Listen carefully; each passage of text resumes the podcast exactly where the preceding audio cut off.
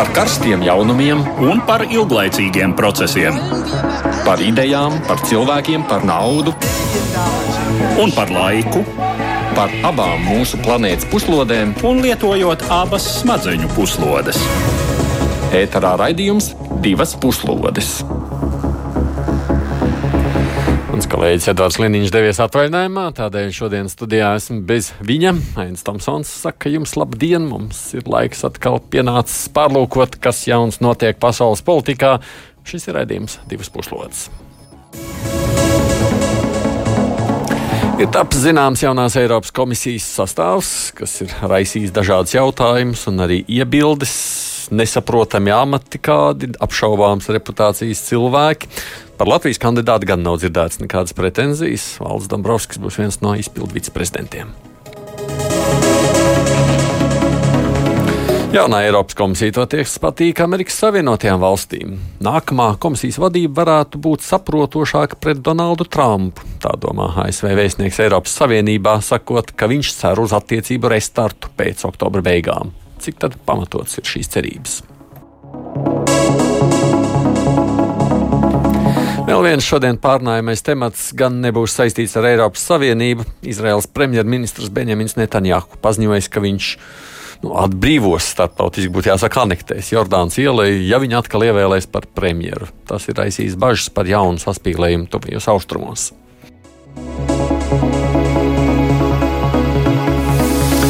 Kā parasti studijā ir arī viesi, un šoreiz divi politoloģi, Latvijas Universitātes profesors Žanita Ozoliņa. Labdien jums! Labdien! Un arī Delfi Nacionālo un biznesa ziņu nodaļas redaktors Filips Lastovskis. Labdien! Bet nu mēs sākam gan ar dažām citām ziņām īsumā.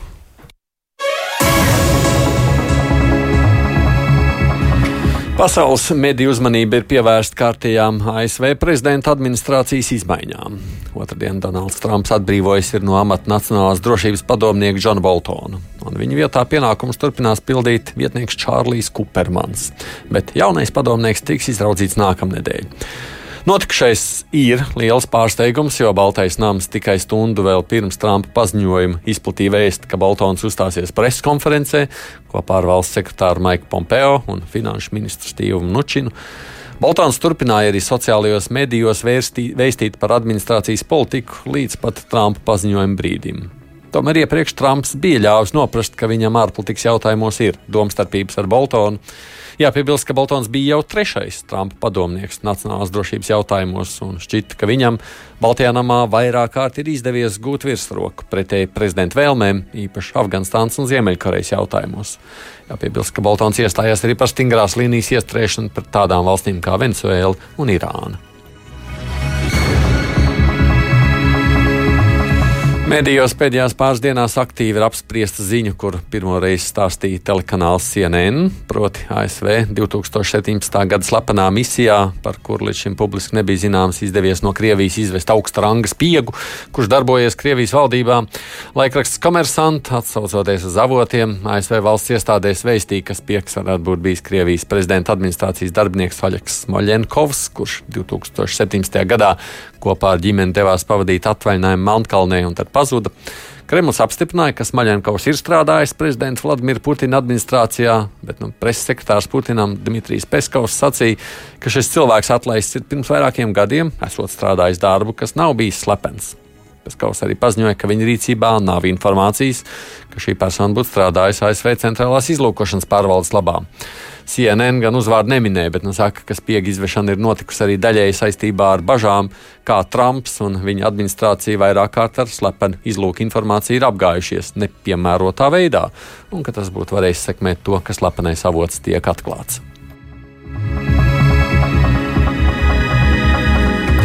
Nemazinās to cilvēku skaits, kuriem Lielbritānija kļūst par lielo sapņu zemi. Šajā nedēļā ir pieķerts rekordliels skaits nelegālo imigrantu, kas mēģinājuši šķērsot Lamanšu šaurumu, lai no Francijas nokļūtu Lielbritānijā. Tikai vienā otrdienā pārtverti 86 cilvēki. Sievietes, vīrieši, arī nepilngadīgas personas četrās laivās. Divām grupām izdevies sasniegt Lielbritānijas teritoriju pirms tās noķertas.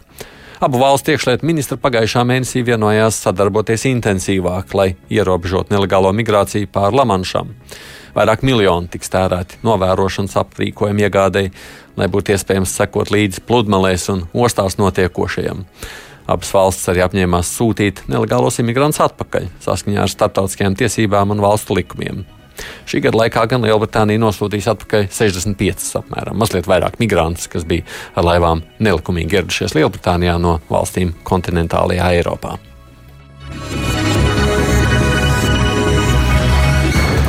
Hongkongā iznākošais Ķīnas valstī piedarošais laikraksts Viņa Veipo bija publicējis rakstu, kurā izsmieta trīs Baltijas valstu neatkarību. Rakstā bija apgalvots, ka gaidīto panākumu vietā Latvija, Lietuva un Igaunija joprojām esot nabadzīgāks un dzīves līmenis Baltijas valstīs pašlaik esot vēl zemāks nekā padomju laikos.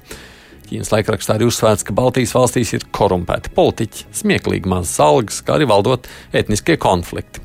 Raksts bija publicēts 24. augustā, dienu pēc tam, kad Hongkongā protestētāji izveidoja cilvēku ķēdi, iedvesmojoties no Baltijas valsts iedzīvotājiem, kas vēl 89. gada 23. augustā sadevās rokā Baltijas ceļā. Reaģējot uz to, Latvijas ārlietu ministrija tuvākajā laikā plāno izglītot Ķīnas vēstniecības Latvijā pilnvaroto lietvedi. Kā savā Twitter kontā raksta ārlietu ministrs Edgars Inkevičs, tad ministrija tuvākajā laikā viņu iepazīstinās ar Baltijas ceļu vēsturi, kā arī Latvijas politiskajiem un ekonomiskiem sasniegumiem pēdējo 30 gadu laikā. Nu, un vēl ziņa, ka mūsu kaimiņus satraukusi esot Ukraiņu invāzija. Igaunijas iekšlietu ministrs Mārcis Helme cenšas noskaidrot, vai ir iespējams atcelt bezvīzu režīmu Ukraiņas pilsoņiem. Viņi Igaunijā ierodoties masveidā. Helmes jau teica, ka atbilstošs likuma grozījums izskatīšanai parlamentā iesniegs jau šoruden. Ministrs pārstāv konservatīvo partiju ekri, kuras retorikā ir cīņa arī pret nelegāliem migrantiem. Tiesa pats ministrs saka, ka runa nesot par ukraiņiem, bet gan krieviem, kuriem Ukraina kļuvusi par trojas zirgu. Tie, kas brauc šurp, ir ne tik daudz ukrāņu, cik krievi no Ukraiņas austrumiem, pārkrievojušies ukrāņi vai vienkārši homosavētikus. Šis migrācijas spiediens no austrumiem pie mums ir ļoti spēcīgs, un tas turpina palielināties. Tā uzsvērs Igaunijas iekšlietu ministrs. Helma Pauds uzskata, ka pilnībā izskaust migrāciju neizdosies, bet Igaunijai jābūt iespējai izlemt par to, cik daudz, uz cik ilgu laiku un ar kādiem nosacījumiem tiek ielaists cilvēks valstī. Jāatgādina, ka Eiropas Savienība bezvīžu režīmu ar Ukrainu ievies 2018. gada vasarā.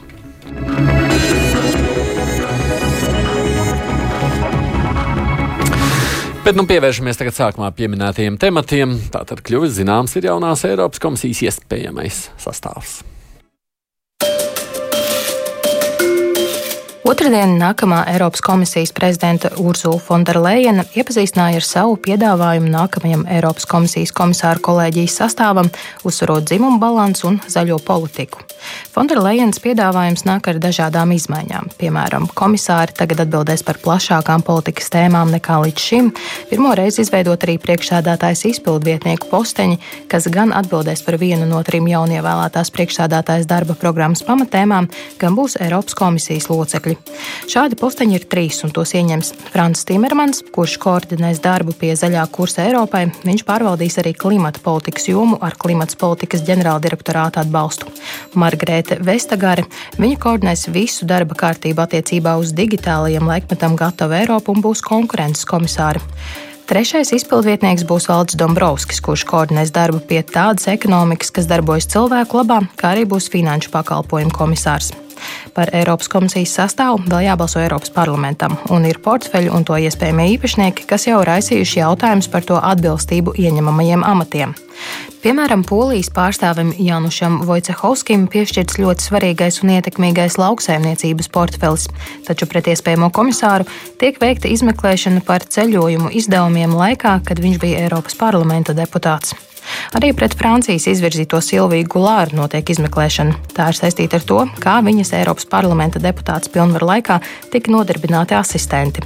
Arī Rumānijas un Ungārijas komisāri saņēmuši pamatīgu kritiku no Eiroparlamentāriešiem. Daudz jautājumu ir par Grieķijai atvēlēto Eiropas dzīvesveida aizsardzības portfeli, kas sevi ietver arī migrācijas jautājumu. Visus kandidātus Eiropas parlamentā plānots izvaicāt no 30. septembra. Jāpiebilst, ka Eiropas parlaments iepriekš ir atraidījis Eiropas komisijas priekšsēžu komisāru izvēli. Atgādājot, kopā mums ir Žana Tozoliņa, Filis Lastovskis. Vismaz par tiem nosauktajiem amatiem, ja sāksim tur tās inovācijas, vērtības, pieminēta Eiropas dzīvesveida aizsardzība savādi tādu nosaukumu skan, vai ne tā, Ozoliņas kundze? Uh, jā, skan uh, tiešām mazliet dīvaini, uh, varbūt vairāk tā populāri, žurnālistiski nekā izpildu varas līmenim piedaroši nosaukumi. Jo tādēļ, ka aiz katra nosaukuma būtu jāstāv birokrātiskam aparātam, būtu jāstāv finansējumam un skaidriem mērķiem, kuri tad ir jāsasniedz. Un man ir grūti iedomāties, kāds ir mērķis Eiropiešu dzīvesveida aizsardzībai, kā tas tiks īstenots, eh, ko nozīmē Eiropas vērtības un pārredzamība.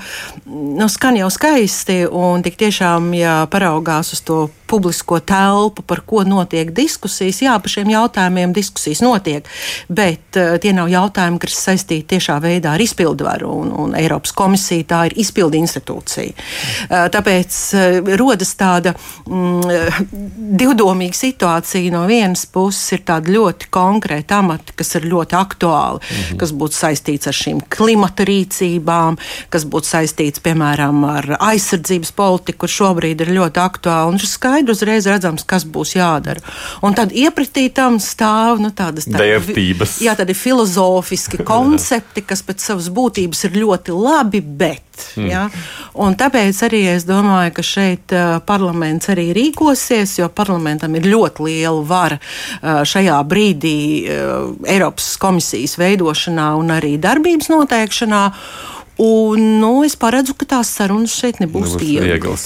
Nu, Filipa, reiz Uzoliņš kundze teica, ka tas ir žurnālistiski, kā labi. Nu, tad tev kā žurnālistam ir skaidrs, ko viņi darīs. Es varu piebilst, ka žurnālistiski tas, nu, Mūsu redakcijas izpratnē vismaz arī skanā slikti. Jā, jo uh, iztēlosimies, piemēram, Valda Dombrovska jauno amatu.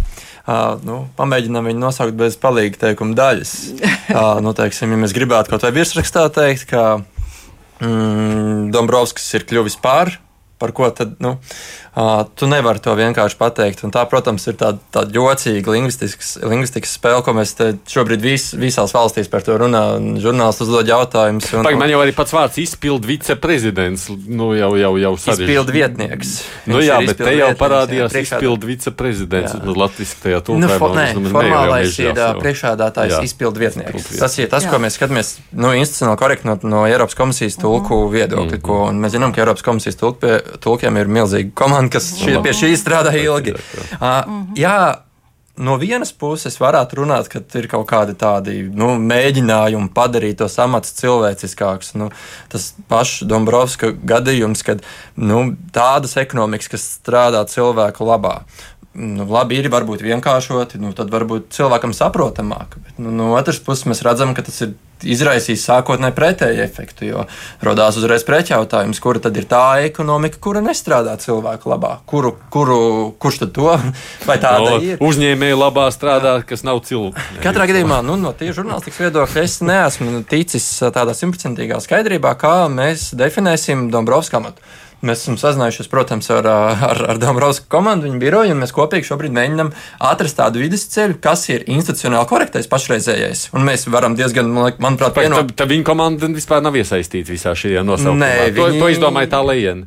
Tulkojumu, jā, jā, jā anglisko versiju, jā, protams. Mm. Tas nav, tas nav šis te nu, Valdona Broska biroja izdomājums. Mm -hmm. uh, tad tas ir tāds vidusceļš, kurā mēs, ne, mēs piemēram, kā publiskajā telpā, nu, kā, kā pasniedzēji, kā žurnālisti, mēs nepārkāpjam teiksim, institucionāli kļūdas viņu nosaucot, bet vienlaikus mums nav varbūt vienmēr jāatkārto tas garais penters, ko ne, nu, no, labi, saprast. Cik daudz tas ir stāsts par nu, labi, dzējisko, varbūt, dvēseli, kur radusies šajā reizē, un cik daudz stāsts ir par nu, konkrētām lietām. Jo Ozoliņš kundze jau sacīja, ka nav līdz galam skaidrs, ko viņi darīs. Nu, Dombrovskim ir ģenerāldirektors. Jā, nē, nē, par, par Dombrovskim varbūt mazāk, jā. bet par tām dažām nē, pieminētajām strīdīgajām. Es domāju, ka ir mazliet jānodala, ir jānodala diskusija, piemēram, par amatu nosaukumiem, kur tiešām ir daudz neskaidrību un var gadīties, ka varbūt viņi arī kaut kā tiks precizēti. Un tad ir tas stāsts, kas stāv aiz šī konkrētā nosaukuma, kā mēs to attiecīgi atšifrējam. Ja? Un, un, un vakar nakti politikā UNESCO ir izveidojis tādu savu organi organigrammu, kā šī komisija izskatīsies. Tur jāska, jāsaka, ka uh, nu, kā cilvēkiem, kā mums ar Filipu, kas strādā ar Eiropas lietām, ir ļoti daudz neskaidrību. Ja? Nu, kāpēc, piemēram, komisārei uh, Šulcai, Šuicai, uh, kura ir atbildīga par demokrātiju un demogrāfiju, apakšā ir komunikācijas ģenerāldirektorāts, piemēram. Nu, ka, ka, ka, kā, Proti, tie amati salikt jocīgi kopā, jā, atbildības sfēras. Tā atbildības sfēras un ģenerāldirektorāti. Mm. Piemēram, vienam cilvēkam apakšā ir viens ģenerāldirektorāts, mm. nu kā šajā gadījumā, ja? bet ir cilvēki, zem kuriem ir pat trīs ģenerāldirektorāti. Tad uzreiz paskaidrot, kas ir ģenerāldirektorāti. Tā ir patiesībā ministrija. Tā ir ministrija. Ja? Un, piemēram, vienam ir viena ministrija, bet Silvijai Gulārai, kas arī tika pieminēta ziņās, viņai ir vesels trīs ministrijas. Un tad ir jautājums, kā tas viss strādās. Ja? Un pie tam šī Silvija Gulāra ir pakļauta Margaretai Vestergerei. Ja? Tad, nu, A, kā šīs attiecības tad vēl viņu starpā mm. veidosies? Jo jāsaka, nu nav brīnums, ka Margarita Vestagere ir viena no tām viceprezidentēm, jo viņa ir ļoti tāda šarpā, asa un tieši domājoša sieviete, uh, un viņa ir iekarojusi ļoti lielu respektu, un tad viņa tā kā struktūrāli būtu hierarhija augstāka, bet tad nāk uh, Silvija Gulāra, kurā ir tādas trīs ministrijas apakšā, ka maz neliekās. Ja? Tad tur ir ļoti daudz tādu klupšanas akmeņu, ja, kas vēl tā īsti līdz galam nav skaidri. Interesanti, ka taisni eh, vakar, vakarā. Uh, Ursula Leidena uzaicināja savus nākamos komandas biedrus tādā izbraukumā ārpus pilsētas, lai tad, nu, tādā neformālā sarunā to visu izrunātu. Jo tas jau nav tikai Valdis Dombrovskis, kas bija apjutis, kā to saukt mm. un, un ko ar to darīt. Tāpat es pieņemu jūtās kaut vai tie, kuriem ir jānodarbojas ar inovāciju un jaunatni. Jā. Es domāju, ka inovācija neatiecas tik uz jaunatni, vai ne? Un, un es domāju, ka varbūt arī vēl pēc tās šīs dienas diskusijas varbūt kaut kas izkristalizēsies. Mm. Jo mēs jau arī neesam dzirdējuši ne uh, pašas uh, lējenas, ne arī šo uzaicināto cilvēku pagaidām, un saprotams, kāpēc, pamatojumu, ko, kāpēc un kā viņi darīja. Jo šeit tad droši vien jāpaskaidro. Nu, Latvijā mēs zinām, kā veidojas valdība. Nu, tad mm. nāk tās partijas kopā, lemj, un tad reizēm tur kādas ministrijas apvieno vai sadala. Nu, tad tas ir tāds kopējs komandas lēmums. Šajā gadījumā mm to lēmumu pieņem bez pašiem ministriem. Šo lēmumu piedāvā šajā gadījumā kā to organizatorisko izvēlētā Eiropas komisijas priekšādātāja. Mm -hmm. tas, lēns, tas ir viņas pašas. Tas viņas pied... Un Eiropas parlamentam ir tiesība A prasīt korekciju, un tad B apstiprināt, neapstiprināt. Mm. Nu, vēl otra lieta, kas šeit savukārt jāpiemina, tas ir stāsts par atsevišķām personām, kuras arī jau ir aizsījušas bažas, lietosim šo vārdu. Jums arī šķiet, tur ir pamats bažām.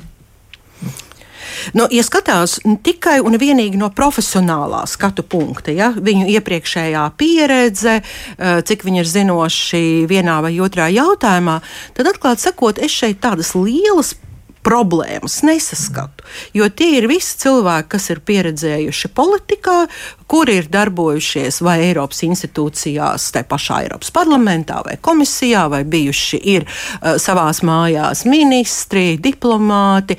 Principā nu, tādu nejaušu cilvēku šeit nav. Ja?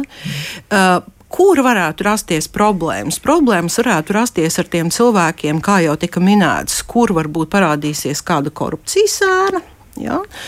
Uh, un otrs, ka Eiropas parlaments, ņemot vērā tā ļoti sas sašķelto struktūru, uh, izmantos šo iztaujāšanas procedūru kā sava viedokļa paušanu attiecībā vai nu uz konkrēto valsti, konkrētajā valstī dominējošo politisko partiju. Nu, tas būs tādas politiskas cīņas. Iespējams, ka tas cilvēks uh, ir ļoti zinošs attiecīgajā jomā, bet, nu, kā piemēram, Ungārs. Ungārijas gadījumā. Ja? Mm -hmm. Bijušais tieslietu ministrs tieši tajā brīdī, kad notika masveidu demonstrācijas par demokrātiju un, un, un tās ierobežošanu, nu, var veselai virknei politisko partiju nepatikt, un tāpēc vērsīsies pret šo cilvēku. Lai gan, ja savukārt skatās uz viņu CV, nu, tad tas ir visnotaļ cienījams. Nu, tas vienmēr ir jautājums, Jā. kas ir svarīgāks - profesionālitāte vai Jā. cilvēka godīgums. Kad arī iepriekšējā sasaukumā bija šīs te, nu, identiskas apsvērums, atrada divus, trīs uh, kandidātus, kuriem bija šie iespējamie reputācijas riski. Tur vispilgtākais bija Kaņeti no Spānijas, mm. kam saistījās ar klimatu, klimatu viņa portfēlis, un viņam pašam bija biznesa saistīts ar uh, naftas pārstrādi, ja nemaldos, un arī Francijas Moskavīcija pārstāvis. Uh, kuram tātad, viņa portfels saistījās ar finanšu pusi. Un, viņa, viņa, viņa laikā Francijā, kamēr viņš bija finanšu ministrs, Francijā bija liels budžeta deficīts. Līdz ar to ir kaut kāda apsvēruma, ko mēs atrodam. Tad abi šie, abi šie komisāri nu, savā termiņā strādāja. Un skandālos milzīgos. Nu, tādos, kas atricinātu komisiju, nu, neiekulās. Līdz ar to, jā, šeit ir atrodami nu, tie sauktie, nu, nu, nevis sauktie, bet nu, tur ir konkrēti reputācijas riski, protams, ar, ar izmeklēšanām, gan ko Eiropas Savienības institūcijas paša, Olaf, piemēram, ir izmeklē saistībā ar līdzekļu nelikumīgu teiksim, nu, iegūšanu. Taču Uh, neviens no viņiem nav tāds, kurš būtu notiesāts, vai neviens nav tāds, kuram būtu uh, krimināla procesa spēkā esošs. Un, uh, kā pati nu, Lējana ir izteikusies, ka, nu, protams, viņa runā par nevainīgumu prezumciju, bet uh, arī, ka, ja mēs gribam atrast tik lielu dalībvalstu politiķu skaitu, ir no katrām valstīm mēs izvēlamies vienu, nu, tad nu, ir maz ticams, ka viņi visi būs ar šo nevai, nevainojamo reputāciju, kur nevarēs nekur atrast kādu šo te, nu, mm. nu, kritiku reputācijas. Nu, mūsu dzird šobrīd divi Eiropas parlamenta deputāti, gan Sandra Kalniete, gan Roberts Zīle. Saka jums abiem labdien, Kalnietes kundze. labdien. Jā, un arī Zīles kungs labdien. Jā, labdien, Jā. labdien. Sāksim vispirms Kalnietes kundze ar jums, un tad arī Zīles kungs pievienosies. Sakiet, kā jums šķiet, kāds noskaņojums valda un valdīs Eiropas parlamentā tagad zinot vai dzirdot nu, šīs ziņas par Eiropas komisijas sastāvu iespējamo?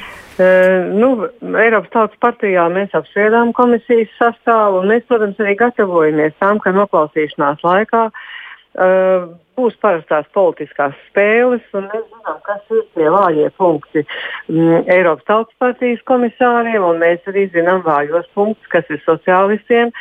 Līdz ar to tā būs tāda parasta lieta. Bet uh, es gribu piebilst par to poētisko dvēseli, viens no jums minēja. Uh, jo man liekas, ka tas ir pilnīgi neatbilstoši Vanderlajenai, jo viņai nav poētiska dvēsele, bet gan ļoti cieta roka. Viņa ir ar valdu Dabrovska nomināciju parādījusi, ka viņa nepakļausies padomus lēmumiem un ieņems pati savu telpu. Uh, es domāju, arī tagad, um, sagatavojot gan šos nosaukumus um, portfeļiem, gan arī uh, pašus uh, komisāru kandidātus, viņa ir diezgan skaidri iezīmējusi, kas ir potenciālie bandinieki. Pie tam izdarījusi to tā, ka dalību valstīm nevar būt pretenzijas, E, jo tas ir parlaments, kas nogremdē, un kas ir vēl interesantāk, ir vairāki portfeļi, kas apmierina mm, e, tos parlamentu prasību, lai, kā, lai šāds portfels būtu, bet patiesībā tie cilvēki, kas ir izvēlēti šīs tēmas e, vai politikas īstenošanai, nu, kā piemērs varētu minēt paplašināšanos. Ja? Jau Junkers teica, ka viņa piecgadēja paplašināšanās nebūs. Tagad tā retorika ir mainījusies, visi saka, ka būs, bet uzticēt paplašināšanos Ungārijas komisāram eh, valstī, kas eh, nav nekāda entuziasta paplašināties uz, uz um, riet, Rietumu Balkānu virzienā vai, Ungārija, vai Ungārijas un Ukrainas ļoti sarežģītās attiecības. Nu, viņi ir uzlikusi ļoti smalku spēli. Uh, un, uh, būs ļoti interesants nākamais mēnesis, kā mēs ar to visu mm, gan tiksim galā, gan novērosim, gan izbaudīsim. Mm. Zīles kungs, jūsu komentārs? Um, nu, tas, kas atšķiras no iepriekšējām komisijas sastāviem šo, un Eiropas parlamenta attiecībām ar šo jauno komisiju, šoreiz atšķirīgs, manuprāt, ir tas, ka uh, daļai eh, parlamenta politiķi, reflektējot varbūt uz dažu neapmierinātu augstu līmeņu komisāru, uh, uz struktūru, pašu komisijas struktūru ar, ar Valdem Roska amata radīšanu pēdējā dienā, kas bez šaubām ir aizskārs dažus uh, labi zināmus sociāldemokrātu līderus. Uh, jo šodien bija um, frakciju vadītāja prezidenta konference Eiropas parlamentā, kur bija mēģinājums iekļaut nākošās nedēļas debatē nevis par atsevišķiem cilvēkiem, bet par pašu struktūru.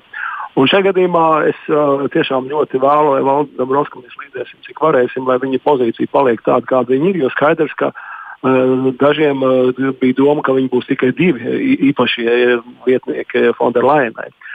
Tā kā šī būs specifiska cīņa, tāpat kā par amatu nosaukumu, piemēram, Grieķu komisāram par Eiropas dzīvesveidu, kas ir jau kreiso un zaļo partiju tāds kā sarkanā lupata izvilkta, jo kas tas tāds par Eiropiešu dzīvesveidu, kurš būtu jāuztur vienam komisāram. Tā kā es domāju, ka ir diezgan specifisks lietas vēl blakus tam, kā parasti upurēs kādas viena vai divas nominācijas. Tīri politiskā plakā neizvēlotos vājākos kandidātus. Bet, bet jums pašam simpatizē vai nesimpatizē tas pieejams, kāds ir no, Lējens kundzei? Nē, es domāju, ka ir ļoti labi, ka viņa radīja šo balansu arī izpildīja vietnieku, kā šī amata saucās, uz trijām lielajām politiskajām grupām, un Valdem Dabrovskim arī ir vienīgajam austrums centrāla Eiropas pārstāvim šīs amats, kas ir ļoti cienījami un labi. Tā interesantā pozīcija, kas man šķiet, ka viņi bija spiest, diemžēl, pieņemt Francijas prezidentu nepārprotamu lielo ietekmi, virzot pat no mūsu bijušo Eiropas parlamentu kolēģi Silviju Gulāru, ko tādā amatā saliekot viņai Uh, daudzas lietas, kas varēs radīt tā saucamos Eiropas čempionus industrijā, kas interesē Makronu, uh, aizsardzības jomu, kas arī viņu interesē, lai gan Gulāra bija tā, kura pirmajā Makrona valdībā pēc nepilna mēneša bija spiest atkāpties par pārkāpumiem finanšu jomā, kad viņa bija Eiropas parlamenta deputāts. Es, tas parāda to, ka tomēr lielā mērā šī komisija radīta varbūt mazāk Berlīnē, vairāk Parīzē un daļai Briselē un dažās citās galvaspilsētās. Vai, vai jā, jā, droši, droši. Tieši par Gulāru. Uh, tur arī parādās Vanderlajens lielā meistarība, jo, lai Gulāra un Indu varētu kaut ko izdarīt ar uh, militāru industriālo kompleksu, pēc Francijas un Vācijas piekrišanas Tas nav iespējams. Un mēs ļoti labi zinām, ka Vācija ir ļoti atturīga šajā jautājumā. Un faktiski Vanderlaina Gulāri nostādījusi diezgan neiespējamā pozīcijā. Viņai, varētu teikt, ir eh, neiespējamā misija. Piecos gados vismaz kaut ko izdarīt, lai beidzot uh, tuvinātos dažādo Eiropas dalību valstu, kam ir militārā industrija, uh, pat ražošana un standarti un uh, savietojamība un tā Jā. tālāk.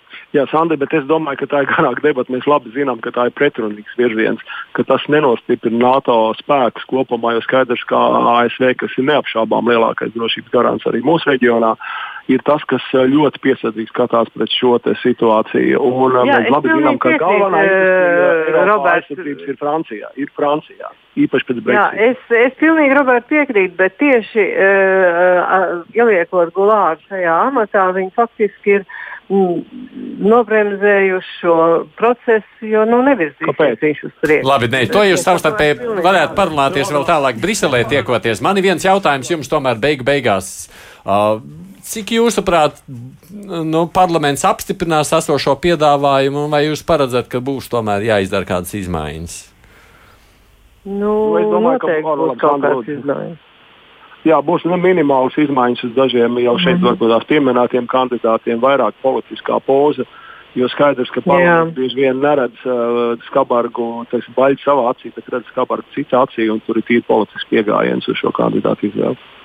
Labi, paldies jums abiem, saka Roberts Zīle un Sandra Kalniete, divi Eiropas parlamenta deputāti. Mm. Nu, sakot, ka nu, politiski jau parunāsies, bet tādā ziņā jau nekas tur būtiski nemainīsies nēsošā piedāvājumā. Uh, jā, bet redziet, es domāju, ka uh, mūsu abi deputāti. Uh, tiešām veids vienu ļoti būtisku papildinājumu mūsu iepriekšējai sarunai, kas iztrūka.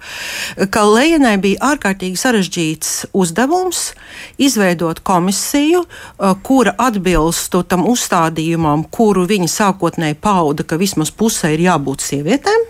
Ja, ko, kas principā ir izpildīts. Plus vēl viņai vajadzēja sabalansēt dažādu uh, valstu valdību politiskās preferences, jo jāņem vērā, ka Eiropas komisāra kandidātus nominē valdības. Tātad, kas ir pie varas, tas arī to cilvēku nosauc. Tad viņai vēl bija jāsabalansē austrumi, rietumi, ziemeļi, dienvidi.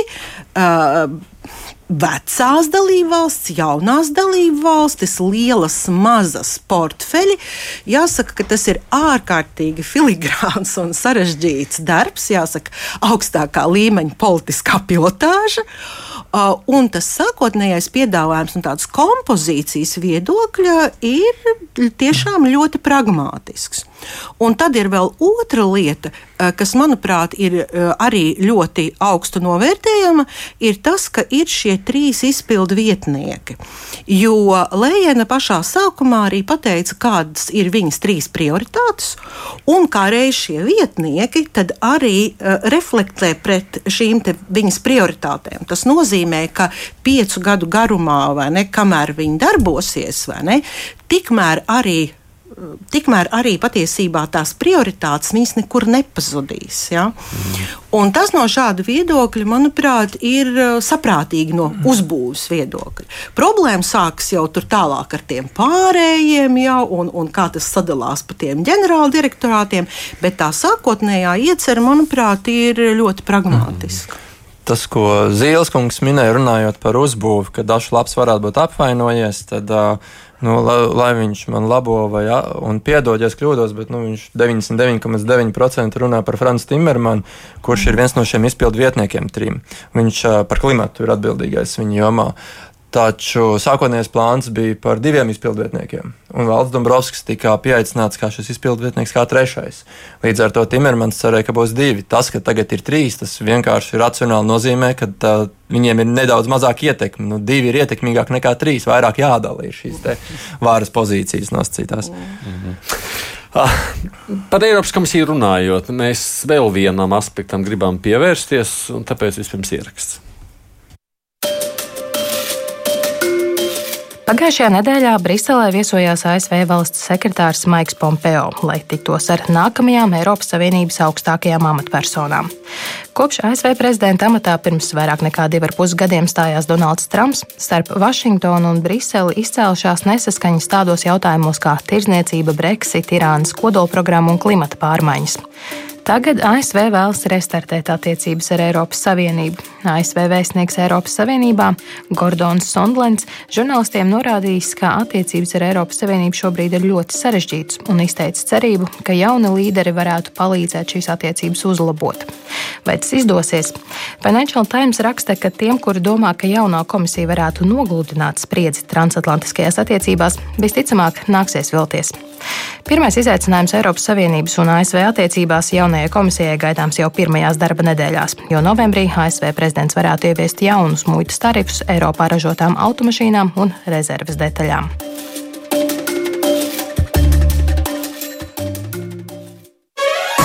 Divas puslodes. Atgādījums šeit studijā politoloģija Žaneta Ozoliņa un Delfa redaktors Filips Lastovskis. Kāds, jūsuprāt, ir pamats Savienotajām valstīm domāt, ka nākamajai tātad, Eiropas komisijai Savienotajām valstīm varētu veidoties labāks dialogs nekā pašreizējai Filipa? Es neredzu to pamatojumu pēc būtības, kur viņi varētu cerēt.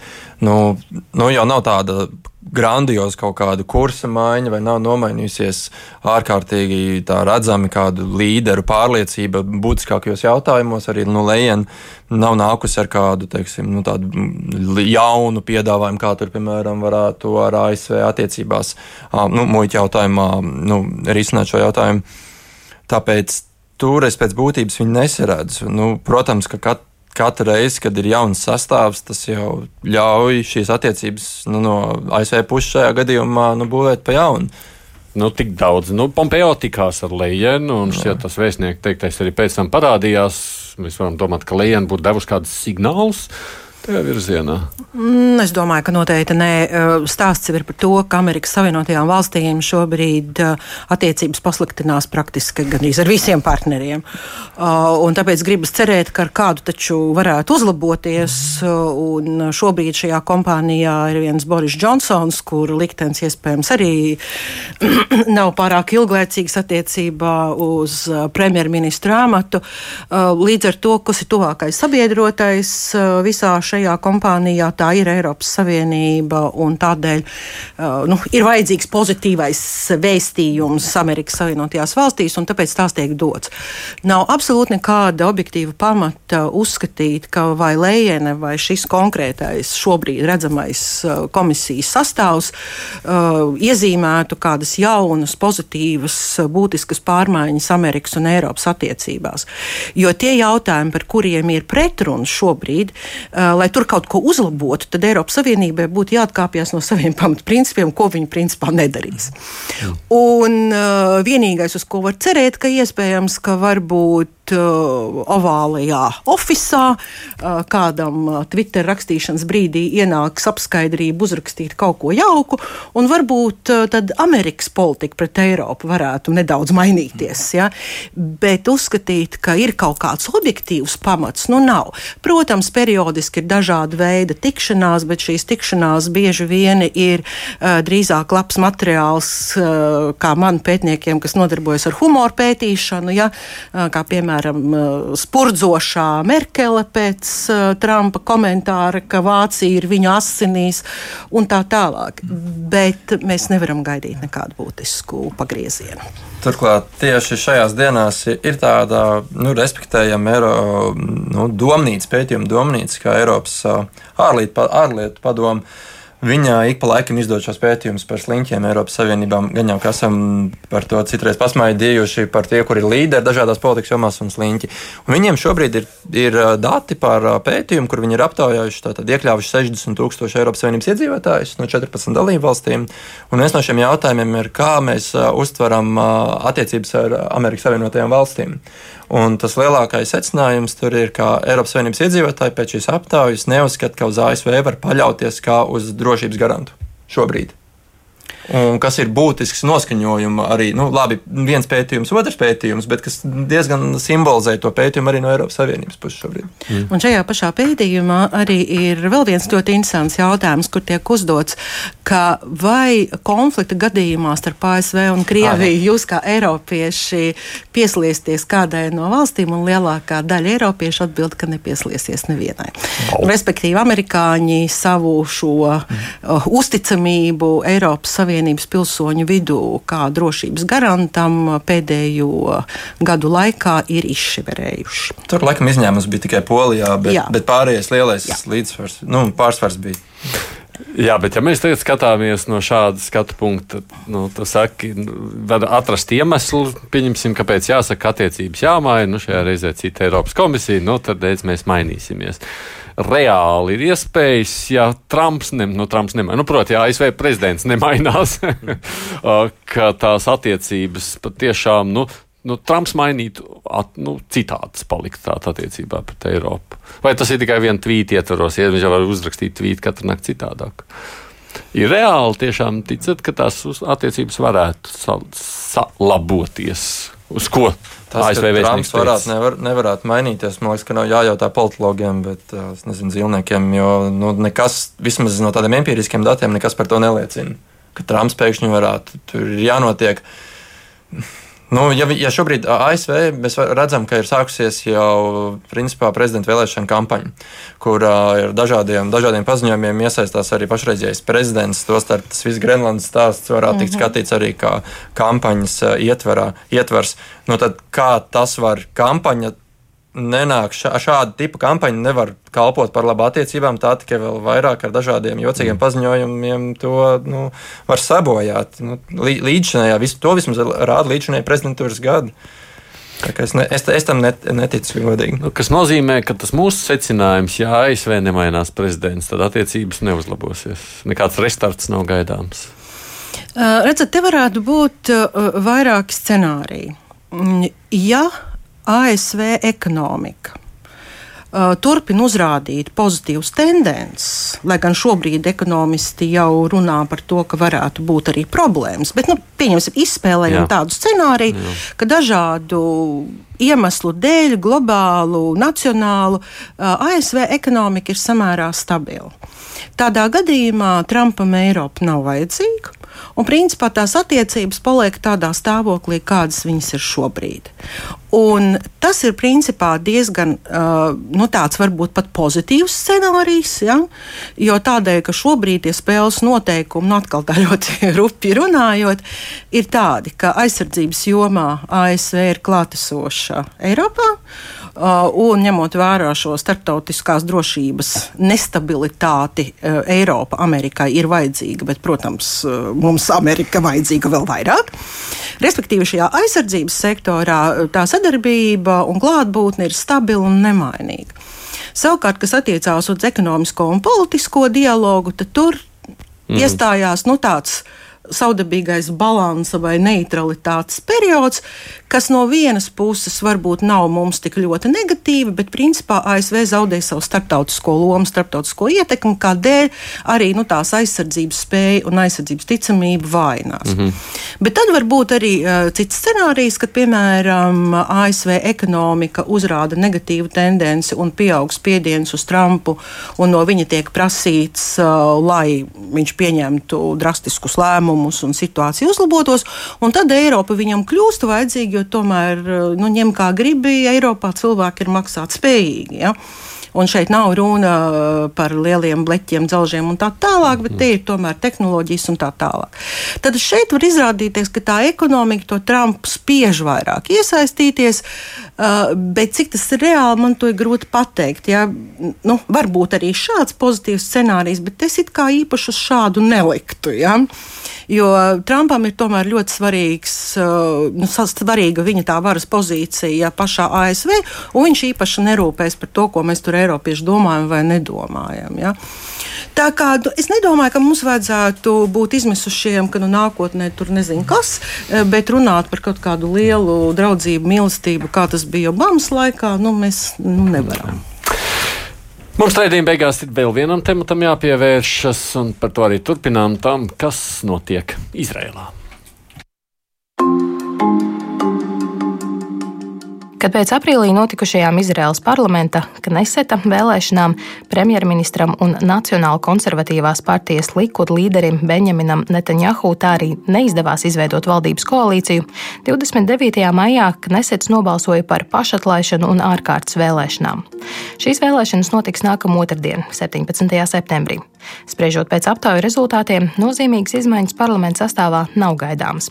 Tāpat kā līdz šim, tālu priekšā pārējiem ir divi līderi Nacionāla konservatīvā Likud un liberāla centriskā Kahola Van jeb Zili Baltais, kuru nespēja vienoties izrādījās liktenīga iepriekšējiem parlamenta sastāvam. Viens no klupšanas akmeņiem ir Benjamina Netanjahu personība. Cik tālu Kahola Van programmā nozīmīga vieta ierādīta antikorupcijas politikai, savukārt Netanjahu ir potenciāls apsūdzētais divās korupcijas lietās, kuras šobrīd izskata Izraels ģenerāla prokuratūra, un vēl vienā, kuru vēl izmeklē policija. Iespējams, spraigā priekšvēlēšana situācija pamudinājusi Likud līderu otrdien nākt klajā ar paziņojumu par teritoriālās aneksijas plāniem Izraels okupētajā Jordānas upes rietumkrastā. Saskaņā ar 1947. gada ANO plānu Jordānas rietumkrastam bija jākļūst par Palestīnas arābu valsts daļu, taču šis plāns, kā zināms, tā arī neīstenojās. Rietumkrastu vispirms anektēja Jordānija, bet 1967. gadā sešu dienu kara rezultātā okupēja Izraēlu. Starptautiskā sabiedrība joprojām uzskata rietumkrastu, tā skaitā Austrumu Jeruzalemi, par okupētu potenciālās palestīniešu valsts teritoriju. Savukārt Izraela to uzlūko kā strīdus teritoriju, kuras liktenis būtu jāizlem sarunās. Daudz viet šai teritorijā pagājušajos 52 gados izveidojušās ebreju apmetnes, un pilnīgas vai daļējas rietumkrasta aneksijas tēma arī agrāk bijusi aktuāla Izraels politiskajā dienas kārtībā. Tomēr Netanjahu uzstāšanās, solot gadījumā, ja kļūs par premjerministru anektēt konkrētu rietumkrasta daļu, Jordānas upes ieleju, ir kas jauns. Tā kā Jordāna ir robeža upe starp Izraels okupēto rietumkrastu un kaimiņu valstu Jordāniju, šāda aneksija padarītu rietumkrasta palestīniešu zemes par pilnīgi Izraels ielenktu teritoriju.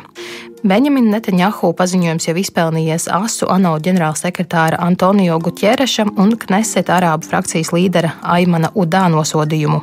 Kā norādījis Gutjerešs, šāds Izraels solis būtu graujošs trieciens tuvo austrumu miera procesam un starptautiskajām tiesībām neatbilstošs.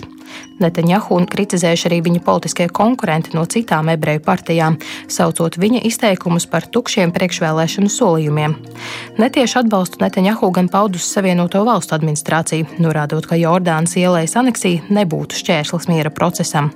Neilgi pēc Kneseta vēlēšanām ASV paredzēts nāk klajā ar jaunām miera iniciatīvām. Nu, tik daudz ierakstā. Es mazliet neesmu tik labi saprotams, kāds man palīdzētu izskaidrot. Jāpiebilst, ka mums pie telefona ir šobrīd ir TVN žurnālists Poltlaks Toms Rātvelders. Tātad tās ir teritorijas, kas šobrīd tā kā tiek apdzīvotas no Palestīnas vai kā palestīniešiem. Nu, jā, Tom nu, paskaidro. Principā, nu, principā, jā, tā, kā, to, tā principā ir tā tāds uh, um, nacionālisms simbols šajā gadījumā vairāk. Uh, uz ko mēģina spēlēt, eh, spēlēt Netanjahu eh, priekšspēlēšanas cīņā. Nu, jo, principā, eh, nu, kā es vismaz to pagaidām redzu, ir tas, nu, ka, ja mēs paskatāmies vispār, kā Izraēlas elektorālā politika tiek veidota, tad tradicionāli parlamentā ir valdījusi salīdzinoši liela sadrumstalotība. Un, principā, kas Netanjahu ir vajadzīgs? Viņam ir vajadzīga nu, uh, kļūt par uh, valdības vadītāju, uh, iegūstot vairākumu knecetā, respektīvi 61 vietu parlamentā. Un, uh, tradicionāli nu, viņš pats to nevar iegūt viens ar uh, Līkudas partijas atbalstu. Līdz to viņš mēģina veidot uh, savienību, koalīciju ar līdzīgi radikāli labēji noskaņotām, noskaņotām partijām. Un, principā, nu, šāds uh, paziņojums, nu, daudz man nepiekritīs, iespējams, bet tāds viedoklis ir, ka uh, Viens no variantiem, kāpēc kaut kas tāds notiek, ir, um, viņš mēģina um, teikt, parādīt ar šādu žestu, ka viņš ir tas galvenais, galēji, galēji labēji nacionālo spēku iemiesotājs. Un uh, ka principā viņam vajadzētu uh, iegūt uh, arī teiksim, sabiedroto galēji labējo spēku balsis, uh, un, tad, uh, un tad līdz ar to konsolidēt sevi uh, arvien stiprāk uz Izraels politiskās skatuves, un tad viņam līdz ar to būtu daudz vieglāk izveidot, to, izveidot valdību pašam. Un otrkārt, nu, tas, principā, ja mēs skatāmies, ka Benīts Gants, viņa, viņa galvenais pretinieks, viņam arī salīdzinoši minus papēžiem, tad principā šāds paziņojums nostāda salīdzinoši tuvu pozīcijās Ganzu un Netanjahu, jo nu, Gans arī iepriekš ir teicis, ka Um, principā jo, uh, Izraels kontrole pār Jordānas ielai arī būtu nu, uh, fundaments Izrael, Izraels drošībai. Un tas savukārt varētu nepatikt dažiem uh, Ganza vēlētājiem, kuri tad varētu izvēlēties gravitēt vairāk uh, uz kreiso, kreiso flangu. Līdz to būtu grūtības arī tad, uh, Ganzam izveidot potenciālu valdību, nu, un tad Netanjahu tad, uh, pozīcijas arī tā teikt, uh, nu, tiek vairāk stiprinātas. Tas nozīmē, šis viss ir stāsts par iekšpolitiku vai priekšvēlēšanu šobrīd retoriku. Uh, jā, jā nu, visticamāk, ka tā ir. Jo nu, ir maz ticams, ka uh, nu, mēs nevaram izslēgt, mēs nezinām, kas būs šajā jaunajā Trumpa piedāvātajā miera plānā, ko viņš uh, plāno izziņot neilgi pēc vēlēšanām. Bet nu, ir maz ticams, ka kaut kas tāds varētu notikt bez uh, apkārtējo arābu valstu iesaistes, apkārtējo arābu valstu piekrišanas. Un, eh, principā, lai eh, tās savām sabiedrībām pārdot kaut ko tam līdzīgu, nu, tad tur vajadzētu diezgan daudz ko, daudz ko likt pretīm. Jo, nu, ja mēs skatāmies uz to austrumu politiku, tad tradicionāli šis tā saucamais arābu ielas fenomens valdīts ļoti bieži starptautiskajās attiecībās šajā reģionā, kur ietvaros tad valdību vadītāji bieži ir sasieti kaut ko darīt saistībā ar Izrēlu. Tie ir tāpēc, ka, teiksim, Eh, šo valstu, mm, arābu valstu iedzīvotāji ir eh, kategoriski pret Izraelu kā tādu. Mēs, nu kā, jebkurš jau tajā brīdī, kad dzird par kaut kādiem tādiem priekšvēlēšanu solījumiem, vienmēr tomēr skatās ar piesardzīgo saku, nu labi, labi, labi, priekšvēlēšana retorika tajā pašā laikā, nu, un ja nu sākas, un ja nu sākas karš vai es nezinu, tālāk, plašāk tas konflikts aug, kāds tam varētu būt sekas. Mums vispār ir vērts kaut ko tādu apsvērt vai nē? Uh, konf, es domāju, ka konflikts šajā gadījumā nu, varbūt, varbūt nē, bet uh, es domāju, ka būs uh, interesanti pavērot, uh, ko tad īsti tas saucamais Trumpa miera, miera piedāvājums ietvers.